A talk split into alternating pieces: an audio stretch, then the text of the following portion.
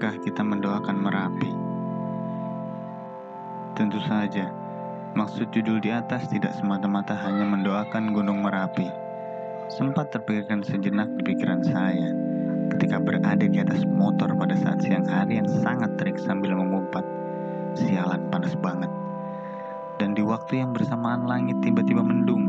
Lagi-lagi dalam hati saya mengucap, kali ini bukan umpatan, melainkan doa. Ya Allah jangan hujan. Dan lagi-lagi di waktu yang bersamaan dalam hati saya mengumpat bangsat kok gini amat jadi manusia? Dikit-dikit mencela bersamaan dengan dikit-dikit berdoa. Kembali lagi ke urusan Merapi. Kita menyalahkan gunung Merapi meletus bukan bermaksud mengecilkan korban letusan juga bukan bermaksud tidak bersimpati atau berempati kepada korban letusan. Tapi apakah kita pernah mendoakan Merapi Hujan kadangkala menghambat perjalanan, lantas kita mengumpat. Tapi apakah kita pernah mendoakan hujan?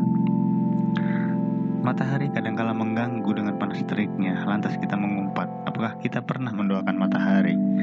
Yang ada kita hanya meminta doa saja tanpa pernah mendoakan. Seringkali terdapat kuburan yang sudah hancur termakan waktu kita temui, yang bisa jadi sudah tidak pernah diziarahi atau bahkan sudah tidak pernah didoakan. Apakah pernah terbesit di pikiran kita untuk mendoakan?